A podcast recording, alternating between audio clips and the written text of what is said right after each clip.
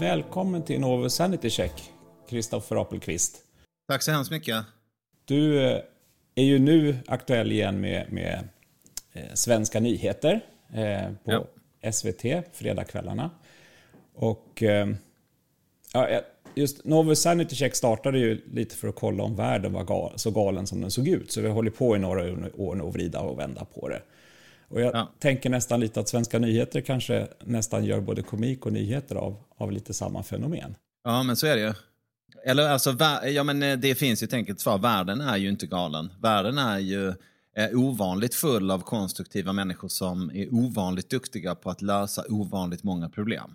Eh, och det är ju nice. High five på det. Debatten eh, är ju galen. Compartmentaliseringen är galen. Man förmågan att hålla eh, flera saker i huvudet samtidigt är ganska låg. Eh, om man mäter på de som låter mest i alla fall. Mm. Um, så, och, och uh, vårt jobb är ju att röra oss däremellan. Ja, jag men, jag men exakt, och, och, det där var ju mycket bättre beskrivet än vad jag gör. För det var just det där jag också känner att det, det, är ju det där som händer. Och jag ser det faktiskt till och med i, i om vi bara tittar på en simpel sak som vilka frågor, politiska frågor som är viktigast nu så är det mycket färre frågor som är viktiga nu än för tio år sedan. Så att det har blivit ännu mer den här liksom enkelspårigheten i det offentliga rummet.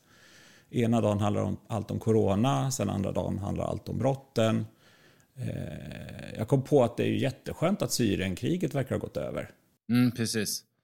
Um, det verkar inte heller vara några flyktingar som hänger eh, runt gränsen vid Turkiet eh, Nej. alls längre. Nej. Uh, och så. Så vi, vi skojar ju om det där fenomenet som du och jag nu raljerar över i form av säsonger. Nu är säsong metoo slut, nu är det säsong eh, rädda klimatet. Och vi tror att nästa säsong kommer handla om, som om det var liksom eh, modefenomen. Det ska vara kort arm i år, säger Inger Skrivelius i, i något liksom, magasin när man är liten. så här. Och det senaste från Milano är att det ska vara chiffong i kjolen. Så, Åh, det kommer vara chiffong i kjolen i konfektionen nu här under ett år. Ja. Och, och, så pratar vi liksom om, om de här frågorna. Och det är ju deppigt. Men oj vad folk blev arga på oss. Metoo är ingen säsong. Du banaliserar det här problemet men det vi försökte göra var ju att skoja om fenomenet. Alltså den underliggande åsikten är ju naturligtvis att de här värderingarna som har att göra med eh, ja, eh, makt, mäktiga män som utnyttjar sin eh, makt mm. ansvarslöst. Det borde vi väl alltid prata lite om. Det borde, det borde så att säga ha sitt eget P1-program, men det blir liksom lite fjantigt när det ska bara pratas om det i P1 dygnet runt i tre mm. månader och sen aldrig mer. Mm. Ja, men, men verkligen. Och just, precis, och jag, jag funderar ju rätt mycket på varför vi hamnar där. Och på något sätt så det går ju att skylla allt på internet för att det är så himla enkelt. Liksom. Det är alltid Facebooks fel och allt är Twitters fel.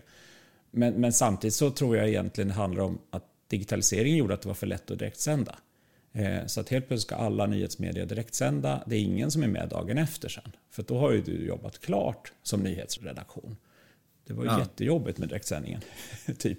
Ja, det har något med det att göra. Jakten på content, det är... Jag kommer ihåg när filmbranschen gjorde sin liksom, digitala revolution. Ja, det var nog inte bara digitalisering, det var nog en väldig massa produktionsfaktorer eh, som blev billigare min farsa jobbade med riktig film när jag var liten. Man gjorde sex minuter om dagen. Det var stora elverk för lamporna.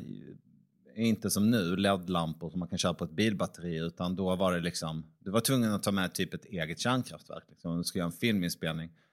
Och en bra dag så fick de, ihop, fick de ihop sex minuter film.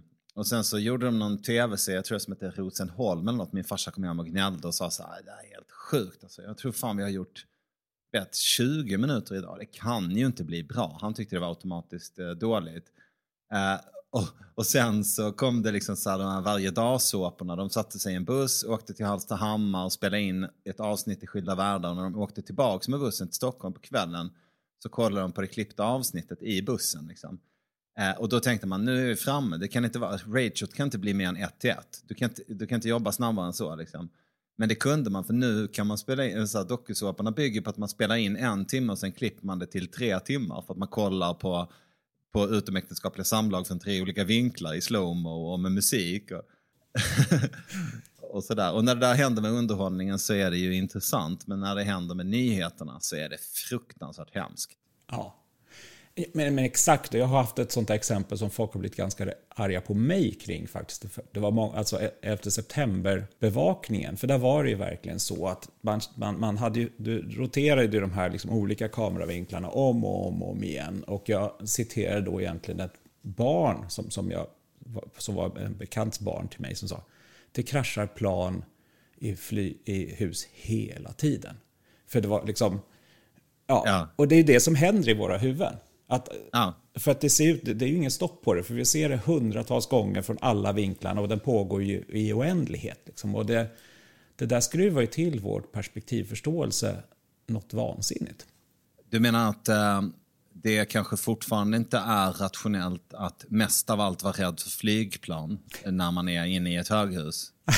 Lite så ja, exakt. Ja. Men, men, också kanske hela, egentligen vad det initierade sen. Liksom den här kampen mot terrorismen, hela, hela samhällsförändringen, eh, kriget i Afghanistan. Alltså allting handlar egentligen om kanske den här visuella kraften som finns just 11 september.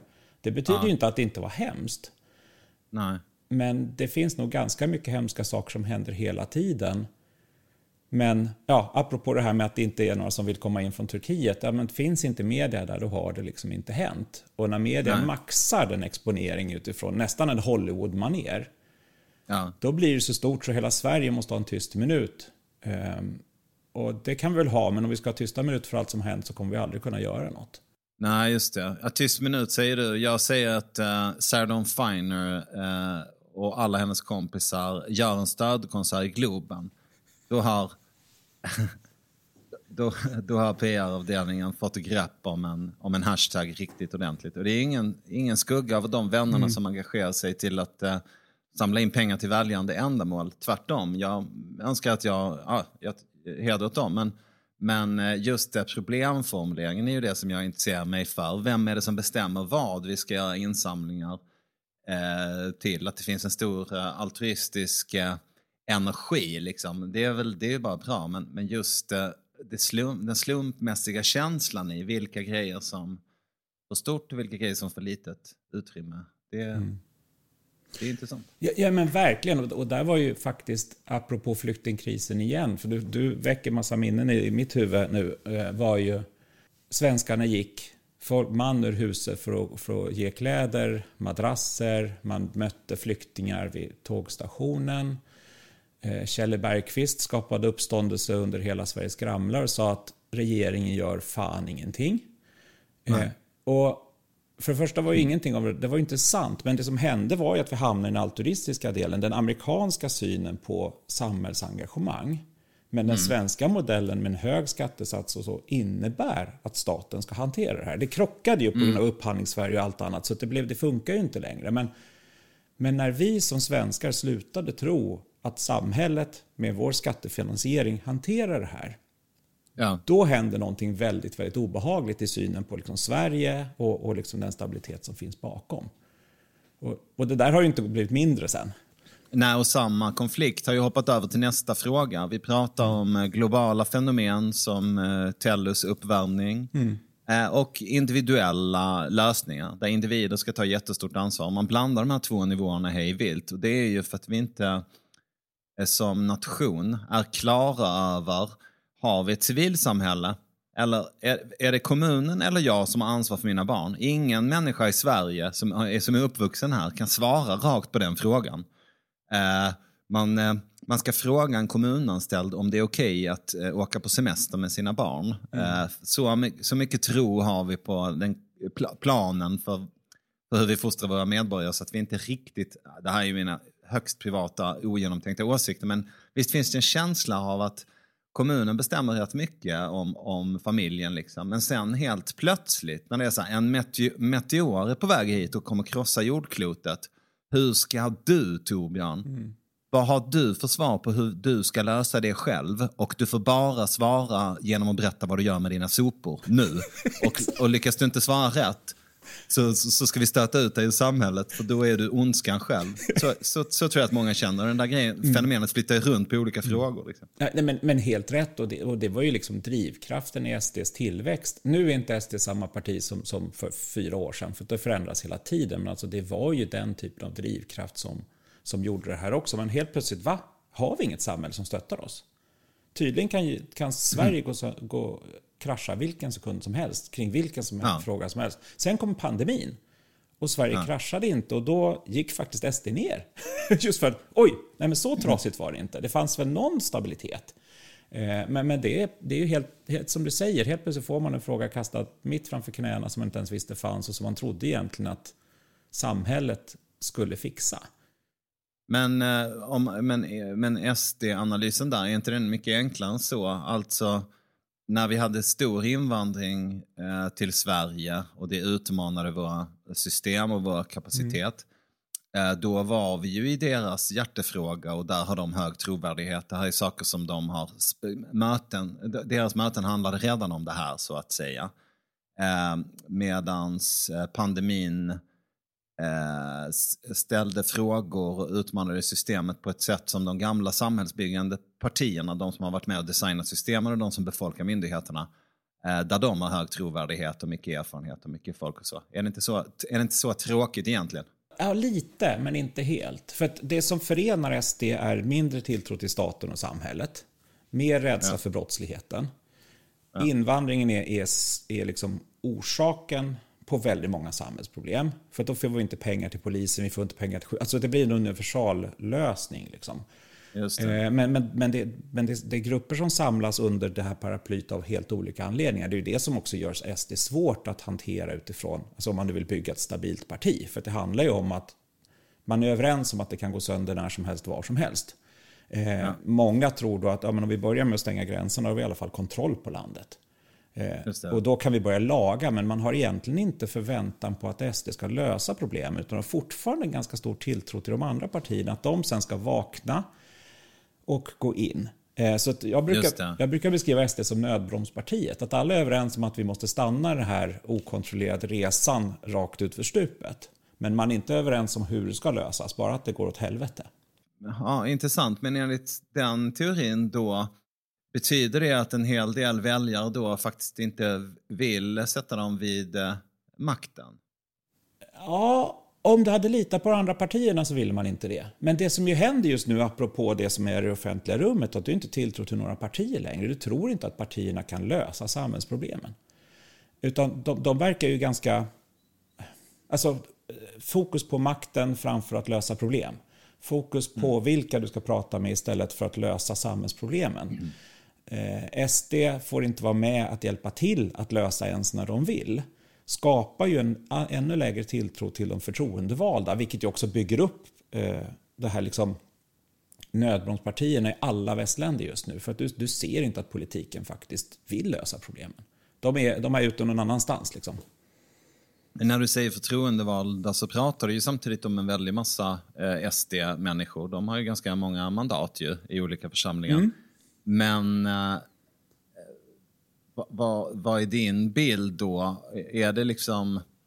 De lär väl också bli etablissemangsskadade. Mm. Och, liksom, vad ska man säga, hur lång tid tar det innan deras rebelliska gloria falnar av att de faktiskt är, är med och bestämmer ganska mycket? Som du säger, på kommunplan och, och så har de ju ganska mycket reell makt nu. Eh, ja, det sitter ju ett gäng i riksdagen också. Ja, fast de, de, får ju aldrig vara med och aktivt besluta. Det, det gör ju de andra partierna ganska tydligt. Att men ni får, alltså, man skapar en bild jo, av dem i outsiders. Jo, fast eh, de eh, är ju liksom den livskraftiga oppositionen som formulerar alla mm. problemen som pratas om hela dagarna. Absolut, men i och med att de andra partierna inte erkänner att så är fallet utan talar om att de inte ska få någon makt, även om nästan alla frågor just nu har kommit från SDs liv, alltså hantera oppositionen, så har man gjort ja, klart att de inte har, alltså de andra pratar om att de inte ska få inflytande, de har inget inflytande och så vidare. Då, skap, då blir ju de rebellerna ja, genom hur du behandlar dem. Ja, just det. Eh, så, så, att, och det där, så att egentligen är det de andra partierna som sabbar eller stärker SDs rebelliska anda och outsider och det är det som är deras drivkraft. det är roligt. Det finns, jag snackade i ett helt annat sammanhang igår, ett, verkligen ett helt annat sammanhang om, eh, om teater, att man inte kan spela kung. Alltså det tar en ensemble att spela kung, förstår du? Ja, ja just det. Ehm, Ja. Om det, det, det handlar liksom inte så mycket om vad kung, kungen kan bara komma in och säga ja hejsan svejsan är det någon som har sig.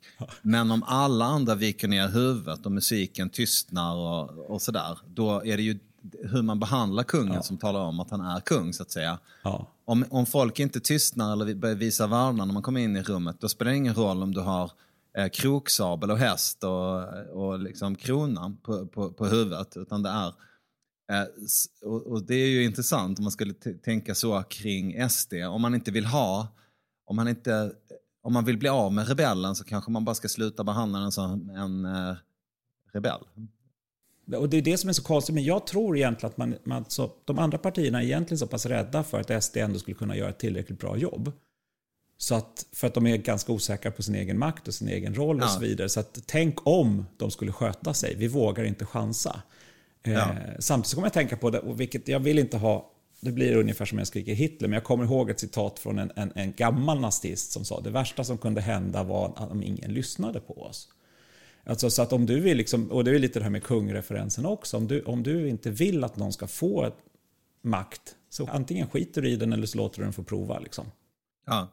För jag, jag tänker det sitter, men just när det kommer så här eh, att eh, när, det, när det kommer ett nytt gäng till, tan, eh, till stan liksom, som gör anspråk på att ta över hela skiten. De gamla med sina privilegier och sina, eh, ja, som kanske, kanske inte har hållit sig eh, så vassa då som de hade gjort om de hade blivit utmanade lite oftare. Det är ju nyttigt att bli utmanad. De är rädda för att de nya, för att eh, SD, det nya mm, konservativa blocket faktiskt skulle kunna fixa en del grejer. Liksom. Eh, men, men rimligen sitter de i konservativa blocket och säger shit, tänk om vi får makten och så ska vi sitta i sådana ändlösa jävla fackmöten med folk på myndigheter. Det kommer sluta med att vi också blir gråhåriga och börjar, och börjar prata om utredningar. Och, eh, för det, för det, det är väl ett stort och jobbigt skepp att sköta ett land antagligen. Det är väl inte så jävla lätt. Det är väl det. det, är väl det. det är Nej, inte nej men exakt. Och, och sen måste du, egentligen måste du inte förhålla dig till verkligheten, du måste förhålla dig till nyheternas tolkning av verkligheten. Och här nu-rapporteringen innebär att Ygeman måste åka ner till Malmö och ha en pressträff med polisen för att de ska visa sig handlingskraftiga, men de kan ju inte göra ett skit. Men, men de måste skapa en bild av, titta nu gör vi någonting, men lagar tar tid. Eh, Men när man har gjort det i fyra, tre, fyra års tid, då börjar det bli problem på riktigt. För då har du verkligen stått där, det här är, det här är inte okej, det här räcker inte. Och du tar mer och mer kraftord och har mer och mer pressträffar. Men det blir mer och mer ihåligt. Och det här är heller inget unikt för Sverige. Utan eh, i och med det här medieskiftet, fokus på här och nu-rapporteringen, det är ju hela västvärlden. Så att det är nästan alltid sittande makten som åker dit. För att Sver- samhället kommer alltid se trasigt ut. För det kommer alltid vara någon breaking news-händelse eh, som du som politiker måste förhålla dig till. Men det jag också sett när jag pratar med politiker är att de nu mer och mer blir dränkta i att förhålla sig till breaking news-situationen så att de hinner inte ens fundera på de här tråkiga gråhåriga utskotten och skit. För de blir inte viktiga. För det viktigaste blir medias breaking news. Ja, Nu kommer det en satans ogenomtänkt eh, tanke. Som Det är bra. Jag, jag nästan tvingad dig att lova att klippa bort den innan jag säger det. Men jag bara tänker så här. I system med maktdelning som i USA till exempel. Ja. Eh, där, har där är ju liksom högsta chefen har ju hand om den exekutiva makten. Där finns det ju inte ord som ministerstyre eller sådär. Det där är inte ett skällsord. Det är inte något, att, att man ska kunna knytas till att ha satt ner foten och påverkat ett enskilt fall Eh, är inte det värsta som kan hända i USA. Det är det bästa som kan hända. Att man visar exekutiv handlingskraft. Ehm, det- är ju så att säga en vd, lite mer än vad vi tänker på Stefan Löfven som en vd. Eh, Stefan Löfven är ju någon sorts ombudsman som är känslig för att ha liksom sina medlemmars förtroende intakt och han måste förankra allting hemma. Medan en producent i ett sånt här maktdelningssystem, en, en president i ett sånt maktdelningssystem, jag sa pro, producent, jag tror att det var en Freudian slip eftersom jag jobbar med tv-program. Exakt. Nej, men jag tänker, där har de ju liksom, det är lite mer arbetsbeskrivning att vara hands-on och att vara, det känns rimligare att en president flyger till eh, New Orleans efter Katrina och säger jag har gett min, jag gick ner i liksom situationsrummet och gav den här tolvstjärniga generalen i uppdrag att inom två timmar så ska det landa käk här. Och man tänker, ja det gjorde du nog fan. Det verkar vara stämma med ditt jobb som att vara vd över världens mäktigaste företag. Liksom. Men sen så kan han ibland säga så här, jag har sagt hela tiden till styrelsen som sitter där uppe på eh, the hill, liksom, att jag behöver mer av det här och det här, men de jävlas med mig, de litar inte på mig.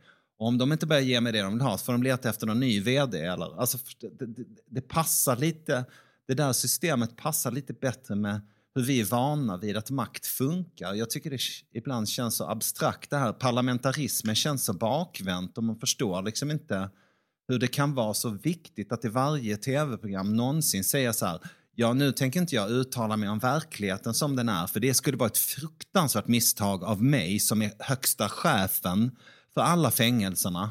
Eh, att uttala mig om, om det här enskilda fallet. Liksom. Den där känslan är, är ju så jävla seg. Kan mm. du hålla med om det? Ja, ja men absolut. Och jag, och jag börjar egentligen tänka på liksom den skillnaden med den amerikanska och den svenska mentaliteten också. För att det, det, här, det bottnar ju egentligen i att vi har den representativa demokratin i Sverige. Att vi väljer sådana som ska företräda våra åsikter. Men vi ger dem egentligen inte ett, ett blankkort. Och sen har vi, alltså, ta, ta under coronapandemin, Sverige klarade sig faktiskt väldigt, väldigt bra för att politiken inte hade den här makten. Så de kunde inte lockas att liksom vara där och ah, men nu stänger vi här och så köper vi 700 000 munskydd där. Och, alltså, för då hade det nog blivit värre. Utan vi lät där liksom tråkiga experterna sköta. Och vi svenskar gillade det. Så, att, mm. så att jag tror att, men, men, men samtidigt tror jag också utifrån liksom både mediekonsumtion, minskad tilltro till samhället bland framförallt kanske vit medelklass i Sverige, alltså svenskan, riktiga gamla medelklassen, börjar känna oj, oj, oj, det här är ju, alltså nu behöver det fan bli lite mer som i USA. Eh, så ja. det finns nog fler krafter och det är väl liksom en, en bieffekt nu att man börjar ruttna. Men, men, men, men det är också en annan sak som jag kom, tänk, touchat lite innan. Egentligen vill vi ju ha en statsminister som är lite smartare och bättre än oss. Vi vill ha en president, och lite liksom, om man ska dra i ja. det. Alltså när jag kollar ja. undersökningar. Men partierna jobbar inte så. Nej. Utan där är identitetspolitiken mycket viktig. Så att vi har en fin fördelning här, mer än egentligen vad de faktiskt står för eller om de är bra och lämpliga ledare. Eh, så att man har ju fastnar ju väldigt lätt i den, den logiken när man väljer liksom förtroendevalda i partierna. Och då missar man ju lite den kraften som egentligen finns en förväntan kring att vi vill ha duktiga, gärna lite smartare än oss. Jag vill inte ha min granne till statsminister. Nej, men jag tänker att det hänger ihop med representativ demokrati. Vi, är ju, vi har ju valt eh, eh den modellen att eh, man, kan, eh, man kan ställa sig upp och säga jag, har, jag representerar 13 procent av väljarna och vi vill det här. Och i många andra länder på jorden hade, hade det bemötts av 13 procent sa du. Då får du vara snäll och gå härifrån. Vi har inte tid med, med dina små grejer. Och, det, och, och, och, då tänker jag att där har vi någon sorts, i alla fall teoretisk möjlighet då att inte liksom eh, förtrycka minoriteter. Det är väl någon sorts, eller ja, minoritet, små intressen då, eller man ska säga. Nej, men, men, men, ja, men exakt. Och, och, samtidigt som jag tror, lite om man går tillbaka till här, liksom, lite rädslan för SD, att jag tror att de andra, väl, andra partierna tror att SD-sympatisörer är rasister. Ja. Eh, och med andra ord har helt plötsligt 20% av svenskarna blivit rasister. Över en natt, ja. Och att du förhåller dig då och säger oj, oj, oj, nu, vi har jättemånga mot oss och det handlar om hudfärg och etnicitet. Men nej, ja. det handlar inte om det. Självklart, om det är rasist kommer du välja SD, men det, svenskarna är inte rasister. Men jag tror att man nej. slår slint i många sådana här grejer när du, när du pratar om identitetspolitiken som att det är det viktigaste. För att vi svenskar är väldigt kollektivistiska, vi är extrema och var så jäkla lagom. typ. Ja. I Frankrike så hade det blivit uppror för minsta lilla grej som kanske i Sverige var oj, oj, oj, jag skriver ett argt inlägg på Facebook. Typ. så att, ja, lite sidospår Men kanske. Du, mm. Du som är statistiknörd och jobbar, och du, du som faktiskt, eh, när, när, du säger, till skillnad från när jag säger svenskarna tycker, så ja. har ju du ofta torrt på fötterna. Kanske inte alltid, men Nej, i alla men, fall ofta. Typ med 95 procent sannolikhet.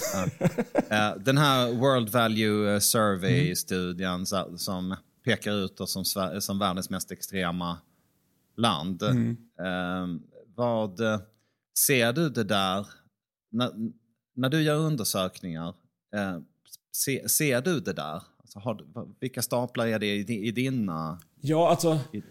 Ja, jag, jag, jag, ser, jag ser ju det. Man ser ju spår av det nästan hela tiden. Men det som ju ökar nu och det är det som börjar hända är att du har tappat... Alltså, det här samhällskontraktet, de ska kalla det, att liksom, politiken ska sköta det här. Myndigheterna ska sköta det. Tilltron till det börjar sjunka och då blir det ju snarare rädslan som börjar drivas mer i samhället. Alltså egoismen, eller, och det behöver inte vara dåligt, men om, om man känner att jag vet inte vad jag kan lita på, men jag kan i alla fall lita på min, min familj. Den här håller på, den krymper sakta men säkert. Det är en tilltro liksom till samhället. Men, men bara så här små exempel att man tror att sjukvården är skit i Sverige, förutom varje gång man själv besöker sjukvården. typ. För då funkar den förvånansvärt bra. Oj! Även om det, jag tror har varit problem under pandemin. Det här var innan pandemin, men när sjukvården faktiskt stängde på grund av att man inte fick gå dit längre. Det är klart att då blev det en helt annan grej där. Men om vi inte tar de här verkliga extrema händelserna. Men, men ja, det där syns egentligen i nästan allting, men man måste påminna sig om det också. För att det, det är lätt att missa, för att det, det är lätt att dras med i att ja, men den som skriker mest, det är den som bestämmer. Och, men samtidigt så är svenskarna otroligt vettiga. Eh, men, men, nej, men, nej, men vi, vi, ser det här i, i, i, i det mesta. Och, och, pandemin är kanske bästa exemplet. De, de som skötte sig absolut bäst var svenskarna. Vi gick hem när vi skulle. Vi eh, slutade åka kollektivtrafik för vi inte fick plats där. Alltså, det var, nästan allt beteende var sansat, rimligt. Vi gick och vaccinerade oss. Ja, nu ja. tror man att antivaxarna är jättemånga, men, och det blir ju det för att det låter så. Men, men det är ju fortfarande bara en handfull. Eh, nu tror jag att om vi tar antivaxarna så är ja, men det, det är 16-åringar inte jätteglada och, och, på att vaccinera sig. Men jag tror inte man tänker att en 16-årig kille eller tjej är en antivaxare. Utan då tänker Nej. man någon, någon, någon, halvgalen människa i vår ålder som liksom sitter och skriker och spottar omkring sig. Inte att tonåringarna är lite så här, mm, jag vet, jag blir inte sjuk, jag vet ju inte, jag kanske inte vill ha biverkningar. Alltså att man försöker, man har inte bemött den diskussionen överhuvudtaget. Nej. Men, men det, bilden blir att det är det som är, att det är antivaxare. Just det. Uh, så um, vad är det som gör att man använder dem? Jag funderar på hur, mycket vi på Svenska nyheter är medskyldiga eh, till det där. För det är klart att man letar ju efter, man vill ju skruva och polarisera verkligheten för att det ska bli roligt och tydligt att prata om den. Och det är väl det som gör att man redovisar eh, ovaccinerade som eh, vaccinationsmotståndare. Även om det exemplet är ju fan ohederligt. Man behöver ju inte alls vara motståndare till vaccin för att man inte är vaccinerad. Det är väl det som är din poäng. Ja, exakt. Och jag har ju kollat vilka som verkligen är motståndare. Alltså för att man av ideologiska ja. skäl inte vill vaccineras. Eller, eller inte, ja, alltså, inte ideologiska lätt fel, men att man verkligen inte vill. Och det Hur många är det då? Det är ett par procent. Ja. Så det, är, det är ju jättefå, vi kan ju skita i dem. Eh, ja. På riktigt. För det är ju inte så att de kommer vara några, några superspridare förutsatt att de inte jobbar inom äldrevården, för det vore ju ganska dåligt. Men där har vi ju arbetslagstiftningen. Men, men jag tycker faktiskt att ni sköter er bättre än de flesta andra nyhetsprogrammen och det är det som kanske är det absurda. Sen, mm. ni gör fel några gånger och självklart, men, men alltså i min mm. värld. Men för jag är ju mm. ibland ganska tråkig, att jag tycker verkligheten kan man skratta åt, men man behöver inte fuska med den. Så jag är supertråkig, Nej. fast jag har ändå humor. med sånt här. Mm. Liksom. Vissa saker skojar man inte om. Men, men alltså, jag tycker er styrka är ju att ni faktiskt också förklarar. Ni tar er ändå tid att försöka förklara en samhällsfenomen. Eh. Det var jävla fint sagt. Fredagar, SVT1, 22.00. Exakt. Så kolla på fredag. nu, nu fick jag vad jag kom hit för. Exakt.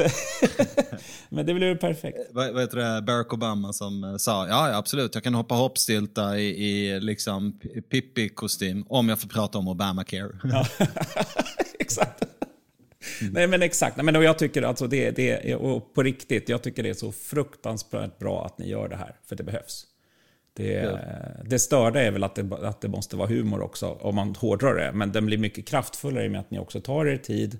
Jag menar att nyhetsrapporteringen generellt sett är så pass här och nu fixerad så att du blir mer förvirrad av nyhetsrapporteringen oftast än att du förstår någonting. Medan ni gör ändå ett inslag där ni försöker förklara. Om man tar Cementa som väl var i första avsnittet. Va? Eh, ja. Just att ni, ni, berättar om olika problemen och liksom för och emot och lite om de här fördomarna man tänker om klimatmänniskan och, liksom, och, och den här tallen och vad det var. Så, så, så kommer ni ändå med fakta på alla sidorna. Ni spetsar till det såklart. Men Men man får ändå mer information där än man kanske fick kring, under hela sommaren om du inte själv behövde plugga kring Cementa-frågan. Nej, just det. Nej, men eh, ja, det, var ett, det var ett fint omdöme. Men för att vi ska kunna upprätthålla den här standarden även framöver så måste jag nu springa till min redaktion ja. och börja jobba. Exakt. Ja, men, jättekul att du hade tid. Tack för trevligt samtal. Tack.